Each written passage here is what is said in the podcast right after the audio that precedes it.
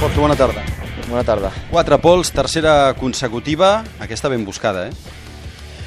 Sí, ha sido mucho, mucho más peleada que, que la de Misano, que ya el primer, la primera vuelta fue un tiempazo, porque hizo una, hizo una vuelta ya muy, muy buena y, y casi perfecta la, la primera, el primer intento. Esta vez ni el primero ni el segundo han sido perfectos, han sido grandes vueltas pero con bastantes fallos.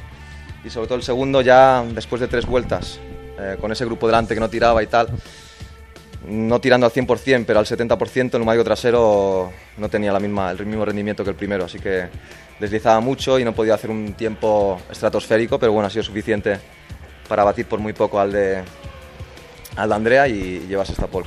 Veus guanyant demà?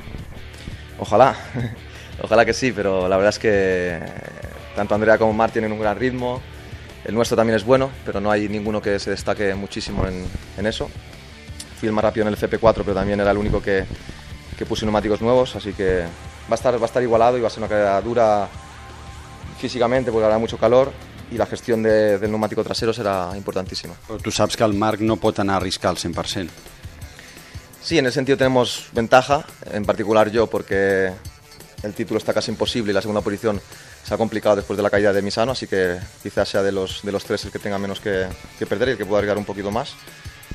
Pero eso no, estar más, más, más libre tener menos que perder no se traduce siempre en velocidad, así que vamos a ver quién tiene mejor ritmo en, en, todas las vueltas.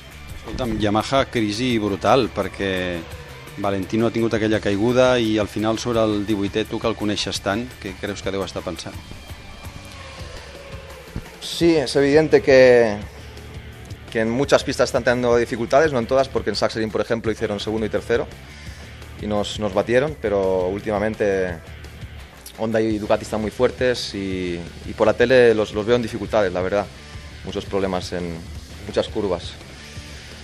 Pero bueno, un poco es, es como el fútbol, es un poco cíclico esto de MotoGP y estoy seguro que una fábrica como Yamaha encontrará la solución más, más temprano que tarde y pronto los veremos luchando por, por ganar.